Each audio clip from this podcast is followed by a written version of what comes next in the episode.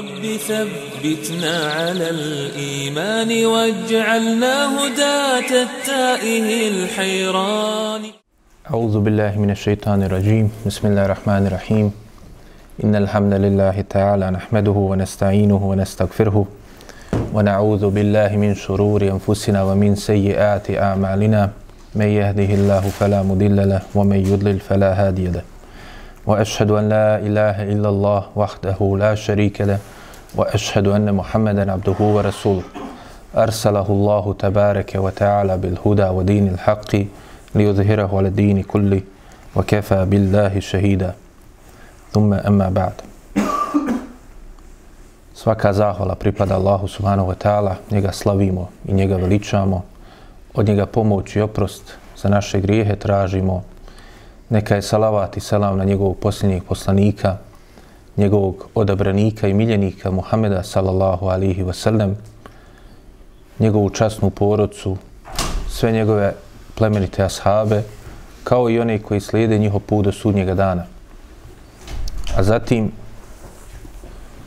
prošli put smo vidjeli kako je Allahov poslanik sallallahu alihi wasallam kao što je u mjestu Kuba kada je došao predgrađe Medine napravio prvu meščit također i kada je došao i smjestio se u sami grad Medina prva stvar koju uradio je bilo je da je napravio meščit napravio džamiju a ta džamija kao što smo vidjeli nije bila samo mjesto gdje će se činiti ibadet Allahu, gdje će se klanjati, nego je imala puno veću ulogu. U početku govora o životu Allahu poslanika, sallallahu alaihi ve sellem, tačnije u početku njegovog poziva u islam, vidjeli smo koliko je ulogu imala kuća Erkama ibn Ebil Erkama radijallahu anhu. Kuća u kojoj se poslanik, sallallahu alaihi ve sellem, tajno sastajao sa svojima sahabima i podučavao ih islamu i onome što, je, što mu je Allah uzvišen objavljivao. Pa je, rekli smo tada bili da je to bila prva škola, prva medresa, prva institucija u islamu. Ta skromna, trošna kuća ovoga sahaba na brdu Safa u blizini Kaabe. Ali tu se poslanik sallallahu alaihi ve sellem tajno sastajao. A ovde sada u Medini u gradu kojim je mogao javno i otvoreno da poziva u islam među narodom koji ga je podržao ensarijama koji su se odazvali njegovom pozivu i postali ensarije, njegovi pomagači koji su ga pomogli u širenju vjere, ovaj meščid, ova džamija poslanika Muhameda sallallahu alaihi ve sellem postala je prva takva institucija u istoriji čovečanstva u kojoj se javno i otvoreno pozivalo u dobro, pozivalo u Allahovu subhanahu wa ta'ala vjeru, u islam. Pa je ona bila i mjesto gdje se činio ibadet Allahu uzvišenom, ali također i prva medresa i škola, ozbiljna institucija u kojoj se ljudi podučavali. Također ona je bila i mjesto gdje su najvažnije odluke u tom društvu, kao što ćemo vidjeti i u najtežim situacijama, tu, su, tu bi se poslanik sallallahu alaihi ve sellem okupio sa svojim ashabima, stanovnicima Medine, i od Ensarija, i od Muhađira, i onda bi oni donosili tu odluke.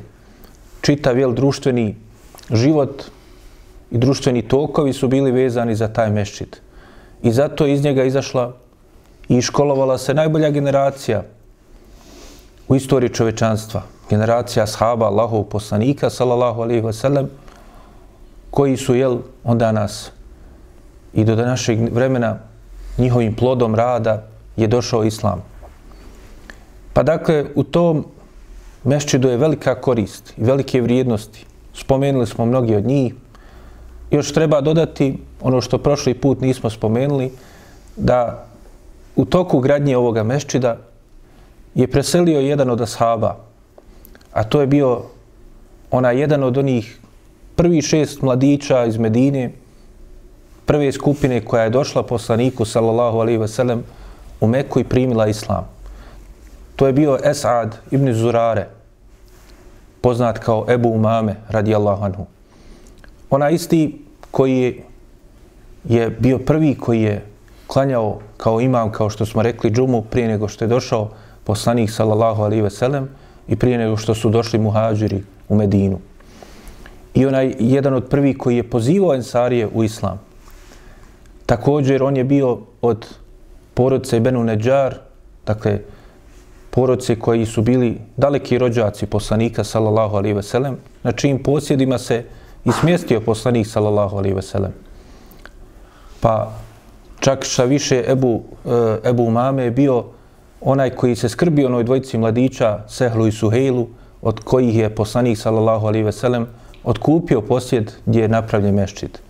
On je, dakle, radi Allah anhu, preselio u toku gradnje ovoga meščida. I tako da je on jedan od tih prvih koji su preselili od stanovnika Medine. Spomenuli smo dvojicu ashaba koji su prije njega preselili.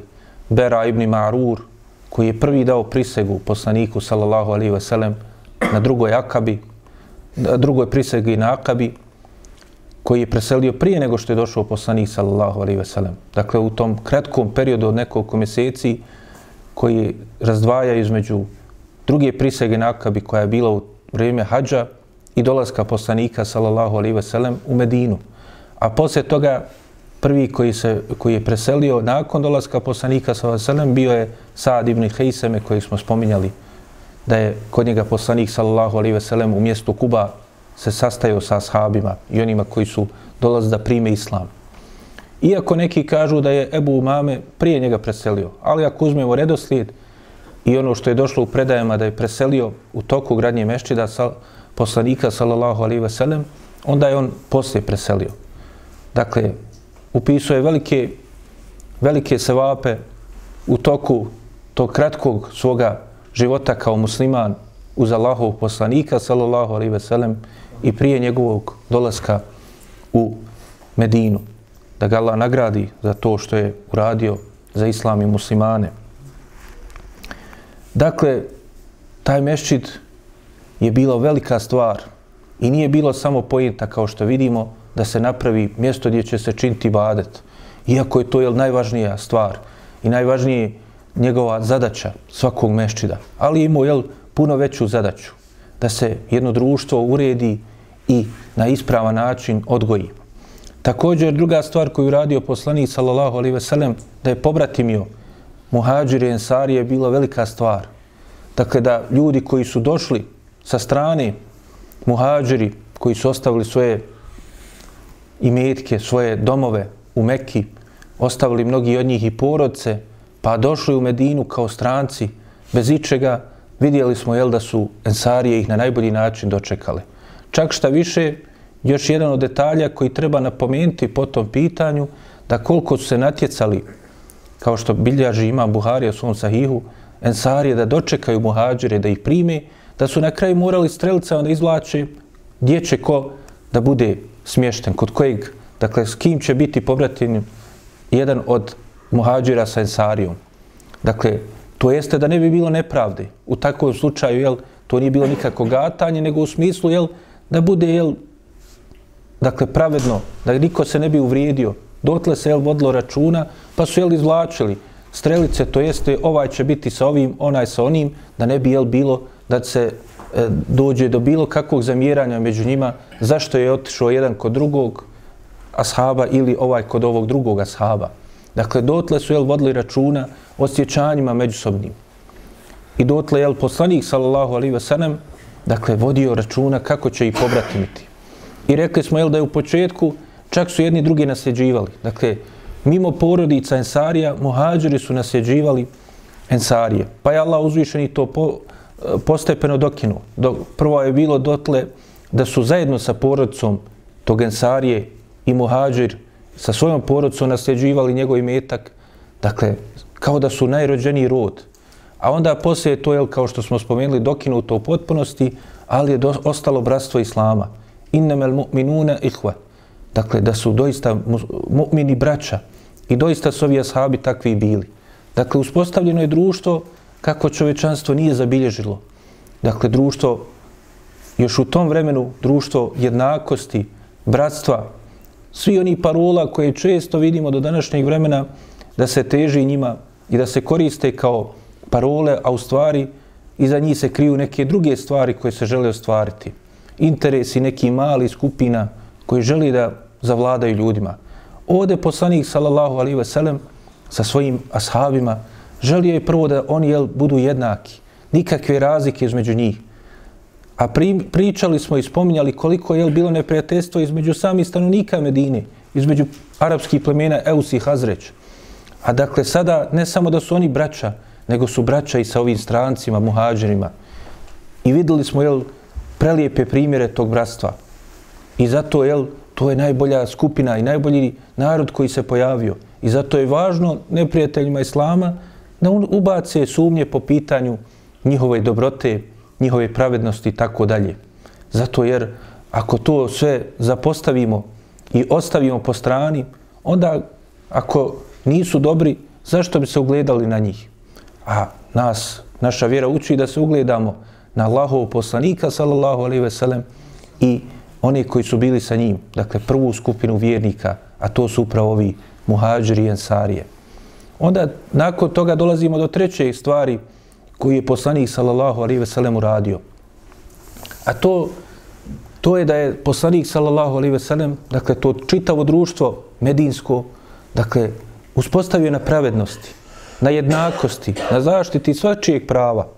Dakle, dotle, dok nije došao poslanik sallallahu alaihi ve sellem, bilo je razni jel, problema, bilo je sukoba, ratova među samim stanovnicima, dakle, Medine, između samih jel, ti plemena koje su u osnovi imala zajedničko porijeklo. Dakle, to su samo bile dvije velike porodce koji su imali jel, zajedničke pretke, koji su zajedno došli sa područja Jemena i naselili Medinu.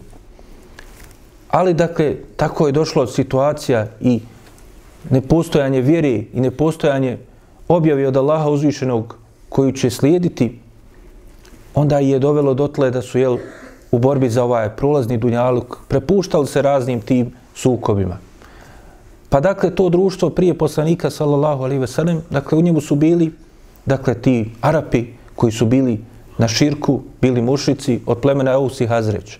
I bili su također s njima jevreji, koji su također očekivali dolazak poslanika i zato su naselili, kao što smo spominjali, i Medinu, i Hajber, i Vadi Kura, sva mjesta koja su ličila u opisu koji je došao u prijetodnim objavama, da će se tu pojaviti poslanik koji će onda jel, biti poslan od Allaha uzvičenog i dolaziti mu objava. I doista tako se i desilo. No međutim, kao što ćemo vidjeti, većina njih ipak nije povjerovala. Pa na, nakon pojave Islama i dolaska dakle muhađira, prije toga prvih ensarija koji su prihvatili Islam, mijenja se slika medinskog društva. Sada u medinskom društvu imamo, dakle, muslimane, od koji su, jel, u prvom momentu bili ensarije, poslije će biti i muhađiri zajedno sa poslanikom, sallallahu alaihi veselem. Također imaju i židovi i imaju oni koji su ostali na svome, jel, širku. Nisu primili islam. U prvim, dakle, vremenima, dakle, u ovom periodu kada poslanik, sallallahu alaihi veselem, uređuje društvo, njih je bio malo značajniji broj ali vremenom će većina njih ili primiti islam, neki će postati munafici, dakle lažno će primiti islam da bi ostvarili neke svoje interese i da bi se unutar islama borili protiv muslimana, kao što ćemo vidjeti nakon bitke na Bedru kakva će biti njihova uloga, a neki će ostati i na širku.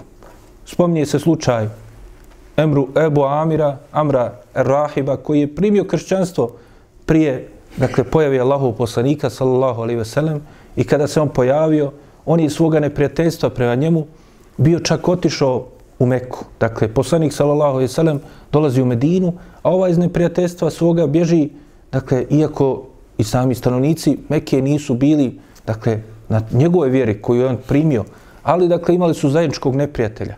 Pa će on pomoći njih i pomagati, dakle, u borbi protiv poslanika, sallallahu alaihi ve sellem, pa će se u bici na Uhudu vratiti u Medinu i tu će jeli, biti od onih koji će propasti u toj bitci u borbi protiv Allahovog poslanika sallallahu alaihi ve sellem. Što se tiče jevreja, dakle, od stanovnika Medine bila su e, dakle, tri plemena jevrejska.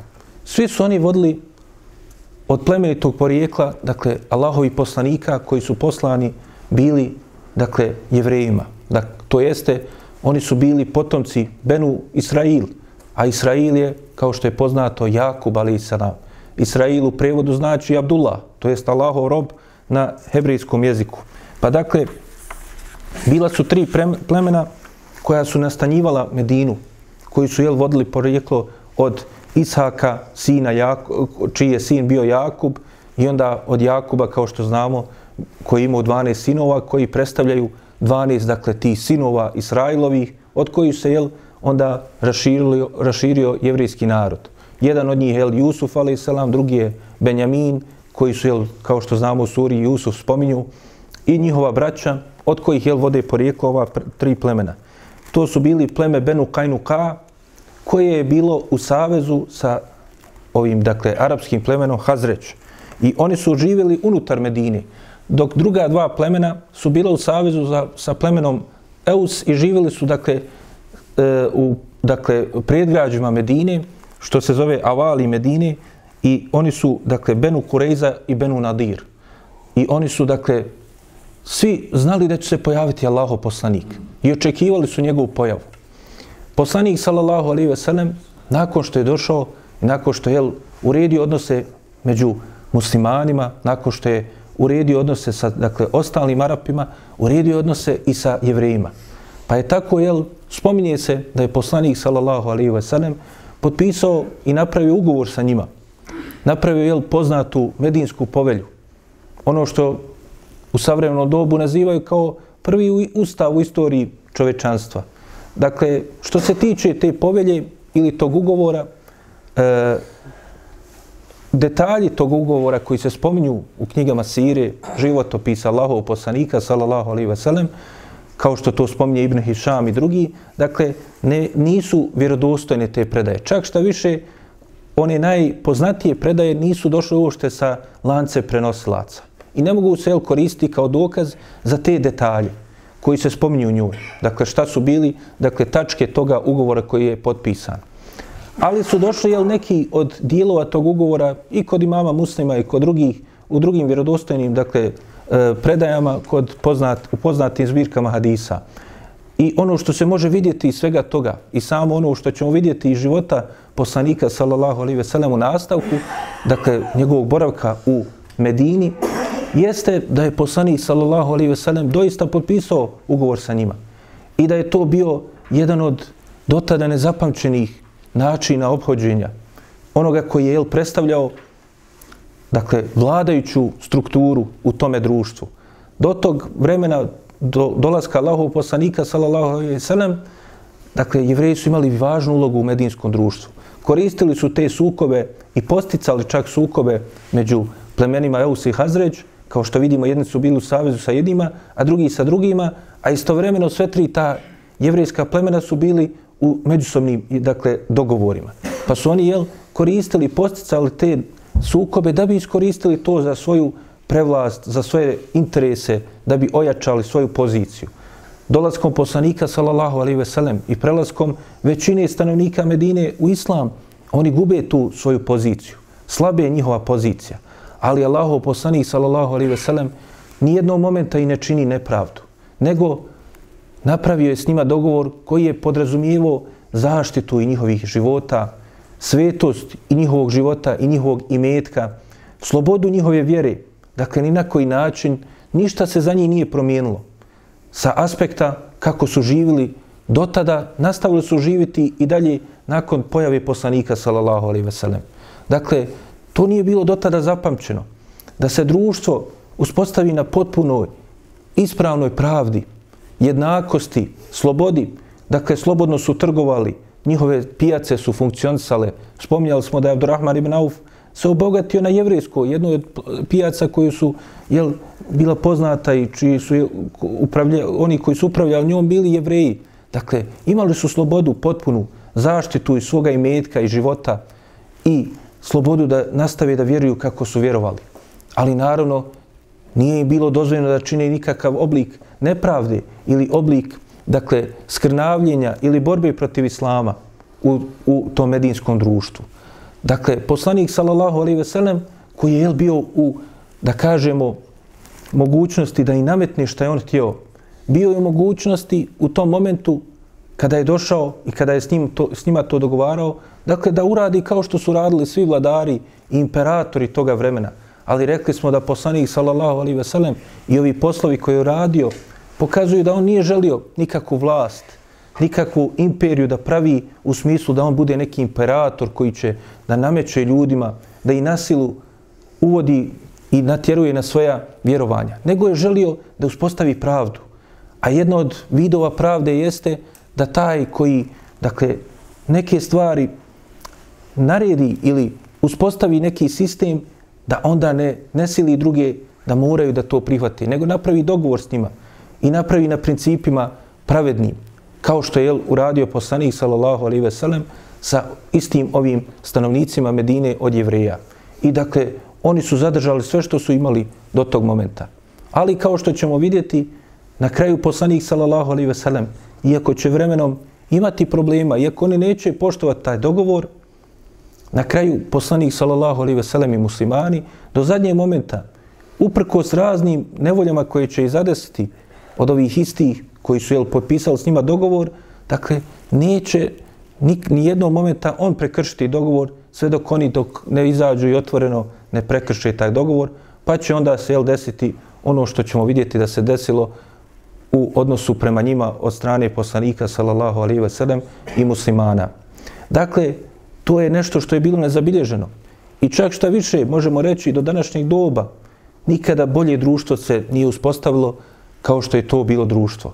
Potpuna pravda, jednako, sloboda i dakle i sve ono što je poslanik sallallahu alejhi ve sellem od mira koje je dakle i, i onoga što mu je dolazilo od objave da se kako da postupaju stanovnici i međusobno da se odnose jedni prema drugima, to je postaklo i da se poboljšaju svi drugi uvjeti života u tome društvu.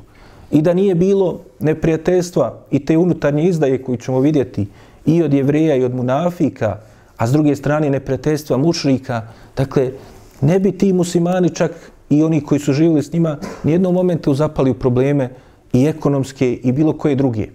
Zato što je poslanik sallallahu alejhi ve sellem dakle nije bio uzrok nijedne od tih stvari niti islam niti muslimani nego sve kao što ćemo vidjeti probleme koji će nastati bit će sa ove strane dakle ili ti unutarnji problemi sa strane ove dvije skupine ili vanjskih dakle faktora kao što su bili mušici pa dakle društvo koje nije zabilježeno do tada i što je još interesantnije u svemu tome dakle da poslanik sallallahu alejhi ve sellem i njegovi ashabi, dakle, željeli su i žudili da svi, do sviju dođe dobro. Dakle, to je bilo, bila im vodilja. I to je bilo ono što je posticalo poslanika, sallallahu alaihi ve u svim njegovim postupcima. Dakle, da ljude postakne da prime islam radi njihovog dobra. Radi toga da se svi okupe, jel, oko njima jedne zajedničke riječi, a to je da obožavaju Allaha subhanahu wa ta'ala i da žive onda na osnovu toga u najboljem društvu. U tome vidimo jel, kolika je važnost, dakle, i zašto je poslanik, sallallahu alaihi ve sellem, između ostalog, i uči, došao u Medinu, učinio hijđru, a onda je uspostavio ovakve odnose u Medini, dakle, zašto? Zato što je želio da ima se društvo u kojem ima sigurnost, stabilnost, dakle, u kojem nema nepravde. Jer tek onda u takvom jel, ozračju može da se na ispravan način i dakle i ljudima dostavlja Allahova subhanahu wa ta'ala vjera u takvim odnosima, onda je lakše jel, da se ne pojave nikakve i, i to spriječava da se pojave ikakve devijacije u takvom društvu. Na primjer jednog od dakle, jevreja koji su primili islam, možemo najbolje vidjeti i oslikati kakav je bio odnos dakle, ti jevreja prema poslaniku, sallallahu alejhi ve sellem, a kakav njegov odnos i kako islam promatra dakle, sve te stvari. I to je jel, najbolji odgovor na mnogi od onih dakle, stvari koje se navode protiv muslimana, koje se kao, kroz propagandu neprijatelja Allahove subhanahu wa ta'ala vjere šire, da bi se pokazalo da muslimani su jel, onakvi kakvi nisu. Allahu poslanik sallallahu alaihi ve sellem, dakle, kada je došao u Medinu, čuo je, dakle, jevreji da, dakle, postoje dana šure, kao što nam ima Buharija bježi u svome sahihu. Pa kaže, rekli su, kada je upitao poslanik sallallahu alaihi ve sellem, stanovnike Medine, zašto to rade? Kaže, zato što se jel, sjećaju onoga što je desilo se Musa'u, dakle sa jevrejima, kada je Allah uzvišeni ga je izbavio od faraona i rastvorio more da prođe Musa sa svojim narodom. Pa kaže poslanik sallallahu alejhi ve sellem je rekao: "Mi smo kaže preči Musa'u od od njih." Kaže: "I zato ćemo i mi da postimo dan Ašure." A kao što znamo, onda je još jel dodao i da se posti uz taj deseti i deveti dan, dakle dan, dakle deveti dan e, mjeseca Muharema i deseti dan mjeseca Muharema, dakle da bi se opet razlikovali, da bi se jel, još više istaklo koliko je poslanik sallallahu alejhi ve sellem i oni koji slijede njega su bliži Musa'u alejhi salam. U drugoj prilici, kao što je također bilježi ima Buharija muslim u svojim sahihima, poslaniku sallallahu alejhi ve sellem kada je spomenut Isa, sin Merjemin, rekao je poslanik sallallahu alejhi ve sellem ja sam najpreči Isau i na ovome svijetu i na onome svijetu. Dakle, zato što između njih nije bilo Allahovi poslanika i vjerovjesnika. Pa ja sam mu najpreči i s te strane, a i zato što smo mi, jel, braća, kao što dalje kaže poslanik sallallahu alejhi ve sellem, kaže el enbiya, vjerovjesnici su braća od jednog oca, ali kaže majke su im različite, ali im je jedna vjera. To jest, tumačujući ove riječi, učenjaci kažu, dakle, svima njima jedan je otac. To jeste, jedna im je vjera.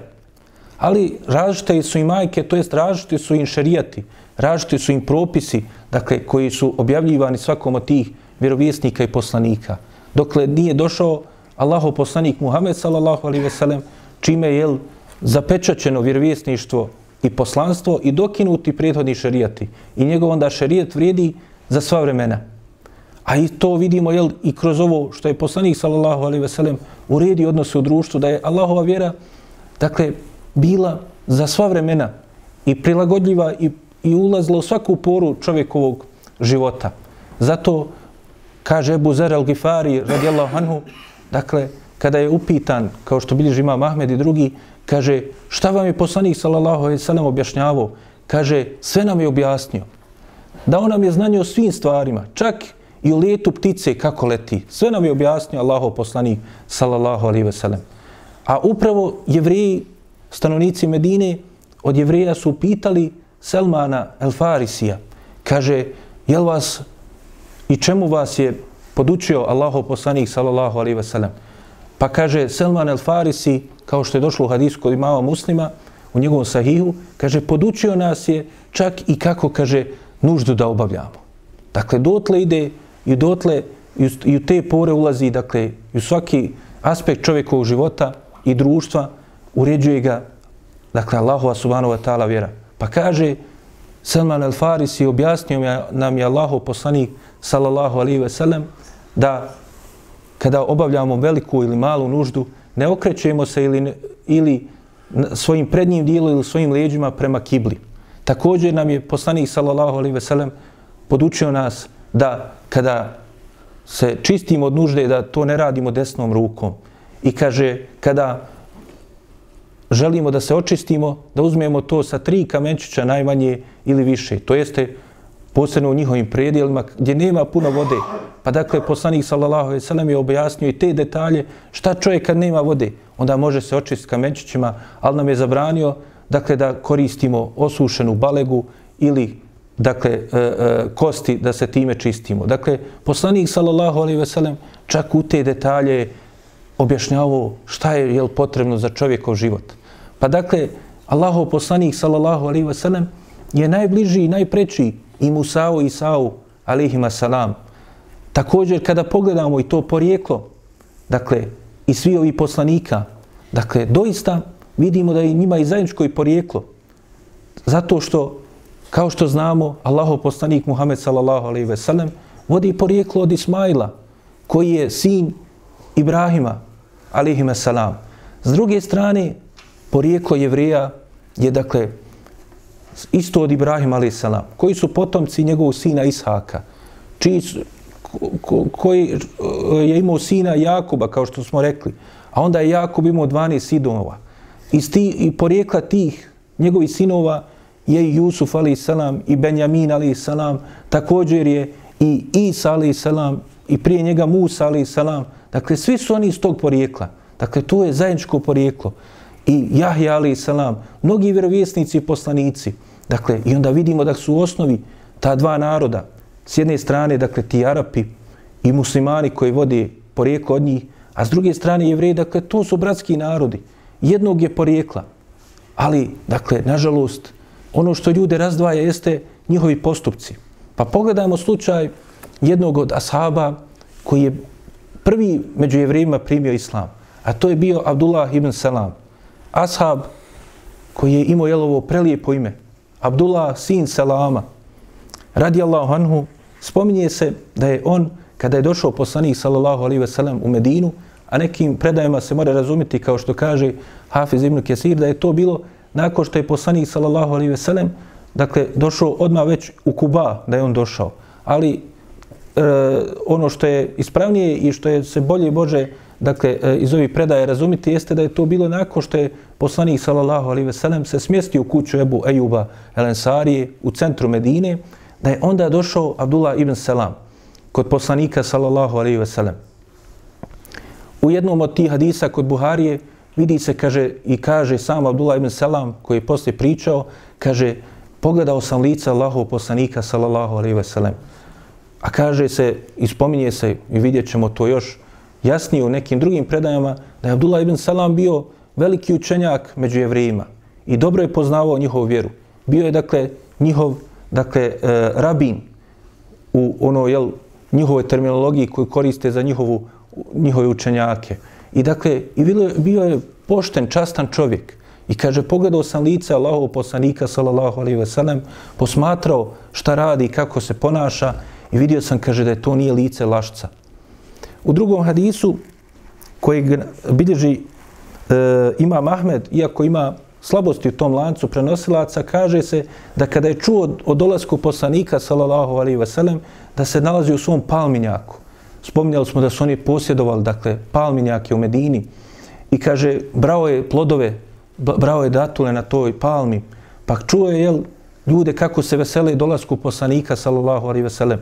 Ta predaje nam jel, približuje da je to bilo u momentu kada je poslanik, sallallahu alejhi ve sellem došao u centar Medine i da ljudi tekbiraju, slave Allaha uzvišenog i slave dolasku poslanika, sallallahu alejhi ve sellem i da se djeca tome raduju.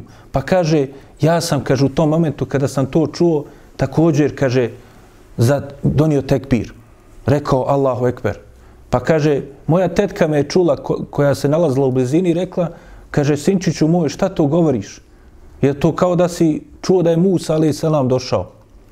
Pa kaže, doista ovaj kojim se oni raduju, to je brat Musa, ali je selam. U onome kontekstu, jel, kao što smo vidjeli, sa mnogih aspekata, doista je to tako i jeste.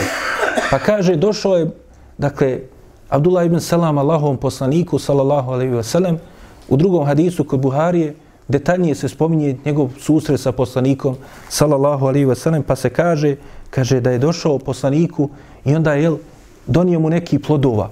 Donio mu jelo ti datula dakle da pojede poslanik sallallahu alaihi sellem. počastio ga je kao gostu koji je došao.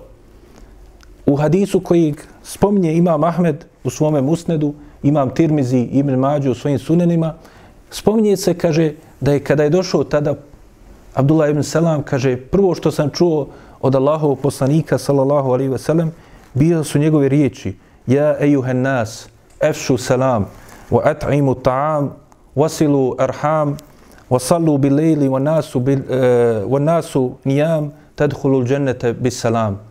Čuje prelijepi hadis Allahovog poslanika, sallallahu alaihi ve sellem. Što je još jel, interesantnije, vidimo, spominje se tu dva put selam. Pa kaže Allahu poslanik sallallahu alaihi ve sellem u tom hadisu, kaže o ljudi, širite između sebe selam. Dakle, odnosi između ljudi da budu kao što i selam jeste, dakle, i mir, ali ne samo mir, nego dobro i potpomaganje na dobru međusobnom. Također, jel, to podrazumijeva, jel, i lijepe, prelijepe odnose među ljudima da budu, a onda kaže, hranite gladne među sobom. Dakle, oni koji su mogućnosti da pomažu jedni drugi podpomaganje. A onda kaže također poslanik sallallahu alejhi ve sellem održajte rodbinske veze. Dakle, da među ljudima da budu jel, rodbinske veze da se čuvaju, da se vodi računa o tim stvarima. Također kaže onda poslanik sallallahu alejhi ve sellem kaže i klanjajte noću kada ljudi spavaju.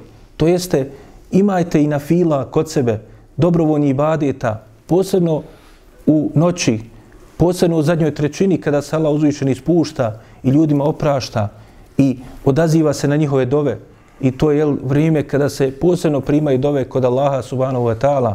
I kaže, ako budete to radili, kaže poslanik sallallahu alaihi wa sallam, ućete u, u dženet sa selamom. To jeste, bit ćete spašeni, ućete mirni, spokojni. Na jedan vrlo lahak način ućete sa, sa selamom u islam. I tako je Abdullah ibn Selam također ušao u islam. U drugom hadisu, također kod imama Buharije, u njegovom sahihu, spominje se, kaže, da je onda rekao poslaniku, sallallahu alaihi wasallam sellem, da kaže, doista si ti Allahov poslanik i doista te on poslao sa istinom. U još jednom predaji tog hida, e, hadisa spominje se da je upitao tri pitanja prije nego što je primio islam Abdullah ibn Selam. Kaže, upitaću te, kaže, tri stvari koje zna samo Allah, Allahov poslanik.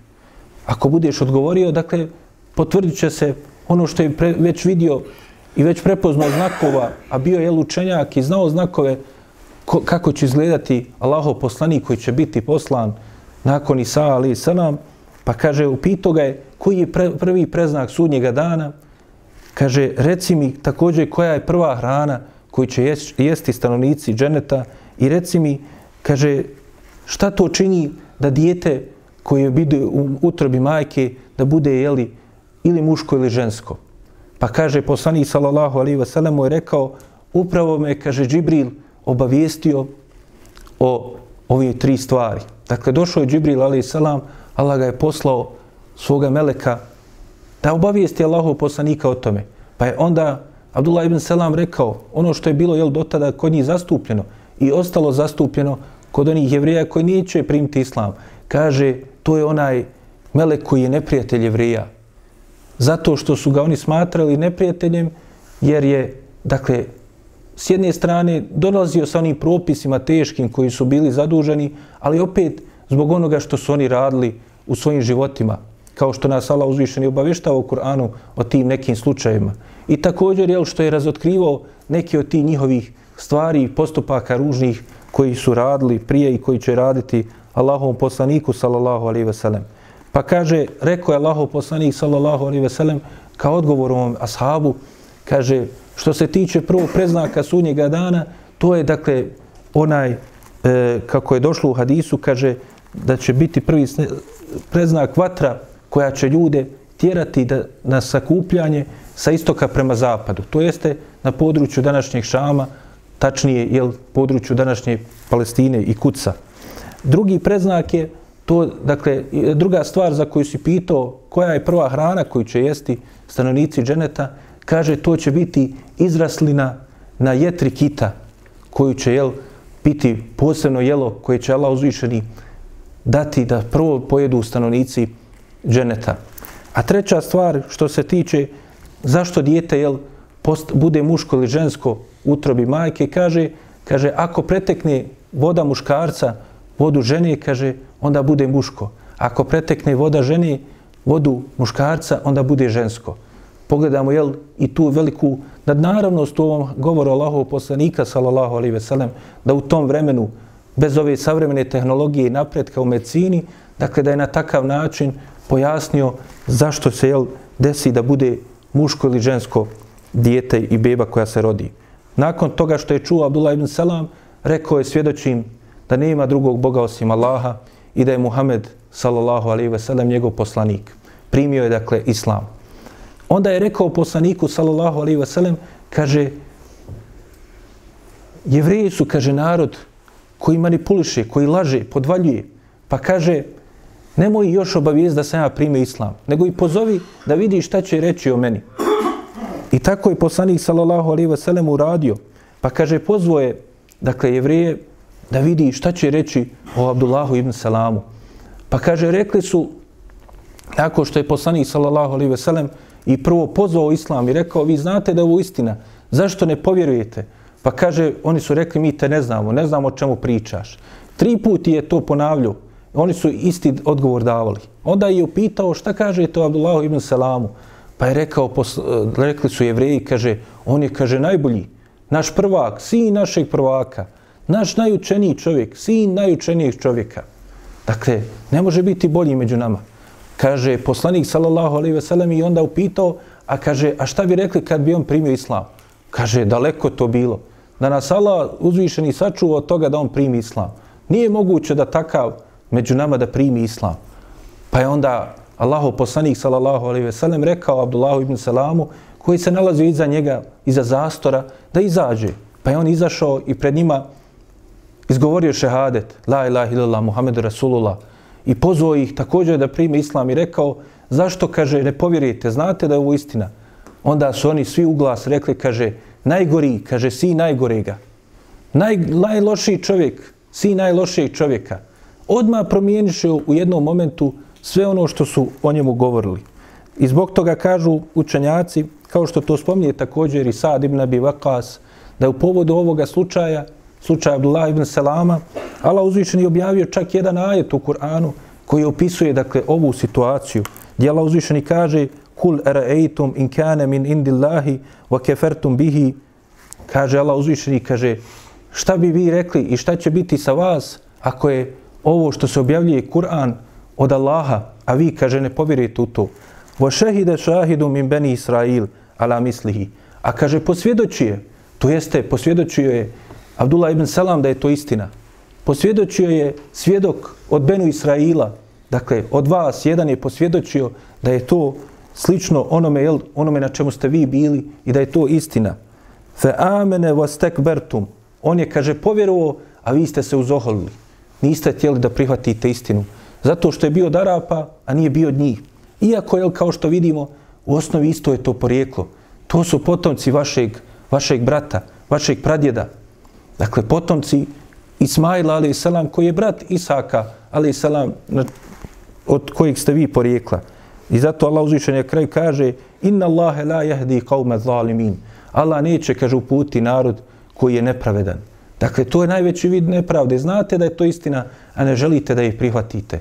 Dakle, na taj način, jel, Abdullah ibn Salam nam najbolje oslikava kakav je bio njihov odnos. I također, isto ga vidimo i kolika je velika uloga bila ovoga sahaba. Zbog toga od vrijednosti koje se spominju po pitanju Abdullah ibn Salama, osim ovoga slučaja kako je primio islam i kako je Allah uzvišen ga pohvalio i rekao da je on jedan od svjedoka od ovoga naroda, također se spominje da je u hadisu koji bilježi Ibn Hiban u svome sahihu i hakimu u Mustedreku, da je jedne prilike poslanik sallallahu alaihi sellem kao što spominje to Sad ibn Abi Waqas radijallahu anhu, sajedno sa ashabima jeo neku hranu. Pa je ostalo nešto malo te hrani.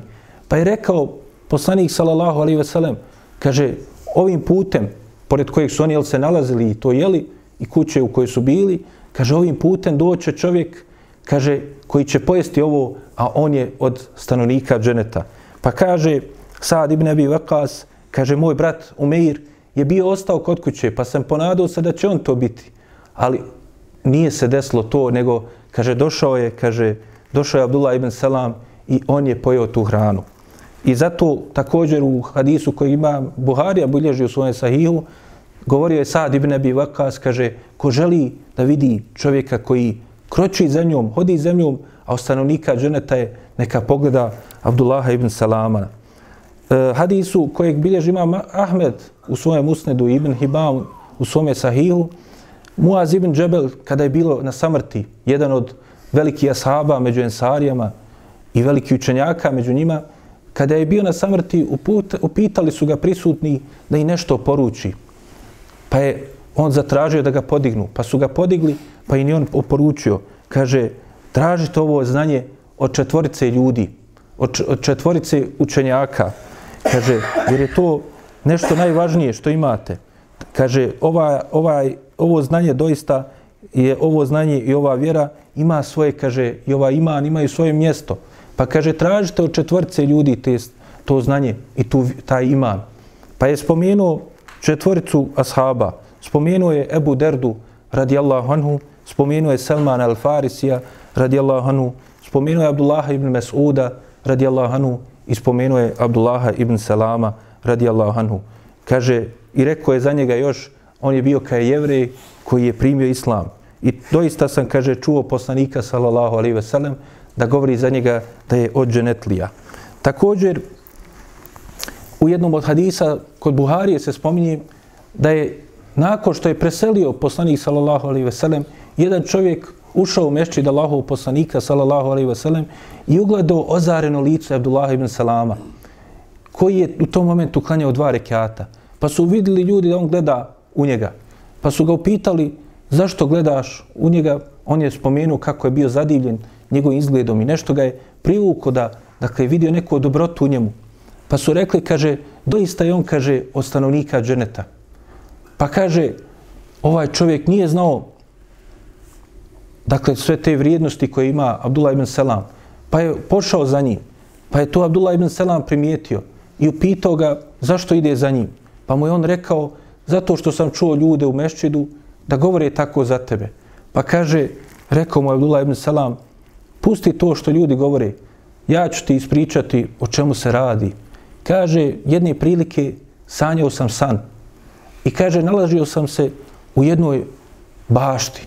U toj bašti, kaže, bio je veliki stup, a na njemu je bilo na vrhu kao kvaka. I kaže, nekom je rekao da se popnem na taj stup, ali kaže, nisam mogao, pa mi je neki sluga pomogao da se popnem. Dakle, podigao mu je, ja sam se penjao, penjao sve dok nisam ufatio se za tu kvaku. I u tom momentu se probudio. Otišao sam Allahovom poslaniku, sallallahu alaihi ve sellem, da mi protumači taj san. Pa mi je poslanik, sallallahu alaihi ve sellem, rekao, kaže, ta bašta, tu je, kaže, bašta Islama. A taj stub, to je stub Islama. Kaže, u jednoj od predaja se također dodaje da je vidio dvije skupine ljudi. Sa jedne, jedne je vidio sa svoje lijeve strane, a druge sa svoje desne. Također i da je vidio ispred sebe veliko brdo naspram tog stuba. Pa kaže poslanik sallallahu alejhi ve sellem u tom dodatku hadisa kaže ona skupina sa desne strane to su oni sretni ashabul jemin što se spominju u Kur'anu oni sa desne strane a ovi sa lijeve to su oni nesretni oni koji nisu prihvatili islam a ono brdo koje si vidio to je kaže brdo šehida oni koji su jel posvjedočili i žrtvovali se za islam pa čak i svojim životima a dakle ta bašta, kao što je došlo u ovom prvom hadisu, je, kaže, bašta Islama, a kaže, taj stup, to je stup, kaže, Islama. A ona kvaka koju si vidio na njemu, to je, kaže, ona najčvršća veza. Orvetul Islam, najčvršća veza, veza Islama. Pa kaže, doista ćeš ti, kao što si u tom snu, dakle, probudio se, čvrsto držeći se za nju, tako ćeš do kraja svoga života držati se za Allahovu subhanahu wa ta'ala vjeru. I tako je doista i bilo po pitanju ovoga ashaba. Što se tiče sami, dakle, jevreja, također treba napomenuti, jel, da oni, iako su napravili taj dogovor, iako su na kraju krajeva i prije svega znali ko je poslanik, sallallahu alaihi ve sellem, i prepoznali mnoge znakove, pa čak Allah uzvišeni u nekoliko ajeta spominje to i opisuje, gdje između ostalo kaže فَلَمَّا جَاءَهُ مَا عَرَفُوا كَفَرُوا بِهِ oni su nažalost jel, kada im je došlo ono što su znali, uznevjerovali u to i nisu htjeli da prihvate zato što se oholili, zato što su odbijali istinu, za razliku od ovog časnog ashaba koji je upravo jel, zato što je bio od njihovih velikana i zato što je on najbolje to poznao, a s druge strane bio najpreći da to onda odbije. On to nije odbio. I dakle nije imao trun oholosti. Nije se, jel, radi istine, nije mu bilo teško da se ponizi i da je prihvati pa makar to dolazilo i od onoga kojeg on, njegov narod nije cijenio, dakle od nekog, jednog Arapa, zato što je on bio doista Allahov poslanik, Muhammed sallallahu alaihi ve sellem. I zato je poslanik sallallahu alaihi ve sellem u hadisu također kod Buhari je rekao, kaže da je deset primilo od jevreja islam, kaže svi bi jevreji primili islam od tih jel stanovnika Medine. U tom hadisu je spomenuto deset. Dakle, kažu učenjaci, ne znači to da je samo deset, jel da je primlo. Primlo je njih puno više. Kao što ćemo vidjeti kroz dalji govor o životu Allahovog poslanika, sallallahu alaihi veselem, primlo je njih mnogo više, ali je ciljao poslanik, sallallahu alaihi veselem, ovaki poput Abdullah ibn Salama. Zato što je taj narod imao jel, tu lijepu osobinu da su poštovali svoje autoritete, svoje učenjake i slijedili su ih onome što su oni govorili. Ali, nažalost, njihovi predvodnici su bili dakle u većinskom dijelu i gotov svi poput dakle, nisu bili poput Abdullah ibn Salama, nego su bili jel, oholnici koji nisu želi da private istinu, nego su se suprostavili njoj. Pa dakle, dakle da je primilo deset poput Abdullah ibn Salama, oni bi svi primili, kao što kaže poslanik sallallahu alaihi ve sellem, islam.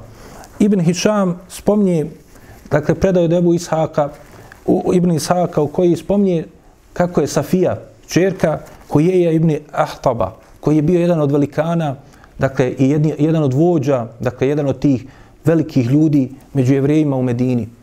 Safija, kao što ćemo vidjeti, će poslije postati supruga Allahov poslanika, sallallahu alaihi ve sellem, nakon bitke na Hajberu. I prihvatit će islam i biti ashabika i majka vjernika. Ali priča o događaju koji se desio prije toga, a to je dakle kada je došao poslanik, sallallahu alaihi ve sellem, njen otac, Huje ibn Ahtab, zajedno sa njenim amidžom, Ebu Jasirom, dakle bratom od Hujeja, otišli su da vide ko je poslanik, sallallahu alaihi ve sellem. Otišli su, kaže, pod tminom noći, dakle da ih ne vide, da izvide, da procijeni situaciju. Pa kaže, čula sam i kad se vratili, kaže, vratili su je, a bila sam, kaže, najdraže dijete svome babi. Uošte nije obraćao pažnju na mene. Bili su zabrinuti, razmišljali su. Pa kaže, upitala sam ga o čemu razmišlja, nije ništa govorio. Onda sam poslije čula ih kako pričaju međusobno i govore, kaže, upitao je Ebu Jasir, Hujeja, kaže, je li on on, to jest je li on Allaho poslanik? Rekao je Hujej, jeste. Nema sumnje da je on Allaho poslanik. Pa kaže, šta ćemo? Jer Ebu Jasir, spominje se, imao je sklonosti da primi i da prihvati, dakle, poziv Allahov poslanika, sallallahu alaihi wasallam. No, međutim, koji je rekao, doista, kaže, dok sam god živ, borit se protiv njega i bit ću njegov najveći neprijatelj. I tako je bilo, dakle, na kraju, nažalost, većina je slijedila primjer ovoga čovjeka, i bili su jel neprijateljski nastrojeni prema Allahovom poslaniku sallallahu alaihi ve sellem. Ali dakle iz svega ovoga vidimo jel kako je poslanik sallallahu alejhi ve sellem na jedan lijep način prema svima njima postupio i kako islam i muslimani su čisti od bilo kakvog oblika i nacionalizma, bilo kakvog neprijateljstva prema bilo kome na nekim jel takvim osnovama.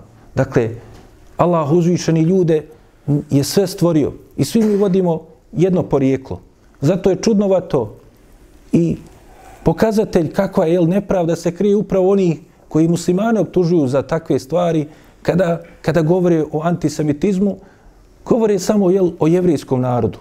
A u osnovi, jel, kad pogledamo, kada kažu antisemitizam, dakle, ciljajući na to da su oni potomci sama Ibn Nuha, sama sina Nuhovog, dakle, vidimo dakle, da istog tog porijekla je Allahov poslanik, sallallahu alaihi ve sellem, i da je on Dakle, direktni potomak brata od onog istoga od kojeg porijeklo vode jevriji.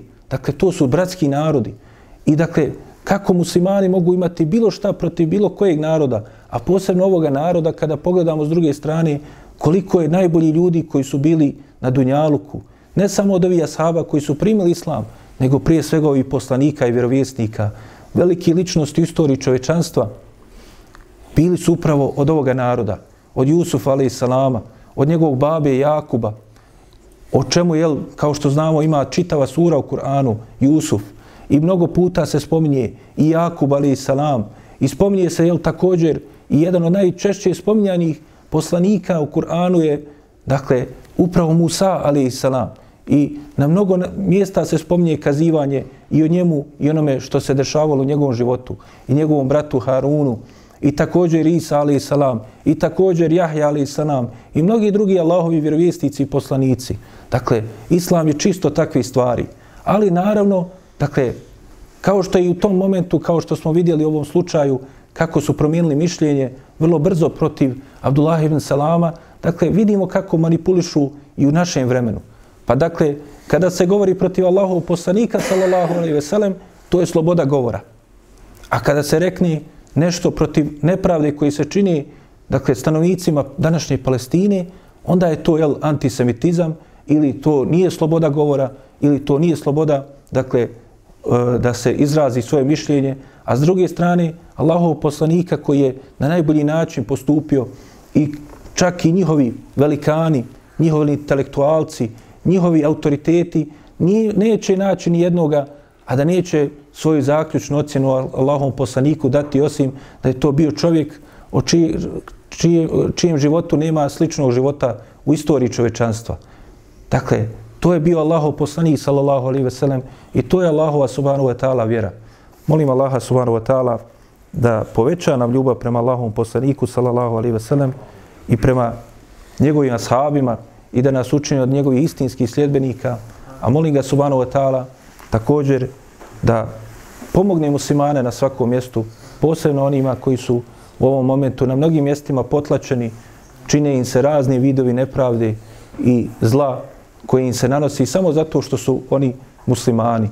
Molim Allaha subhanahu wa ta'ala da im pomogne i olakša, a on je to kadir, on je to moćan da uradi i ništa se ne dešava osim Allahovom mudrošću. A molim ga subhanahu wa ta'ala također da nama se smiluje i oprosti grijehe i pomogne nas na dobru i da uputi nas i naš narod. Amin. Subhanak Allahumma bihamdike, ashhadu an la ilaha illa anta astaghfiruka wa atubu ilaika. رب ثبتنا على الإيمان واجعلنا هداة التائه الحيران.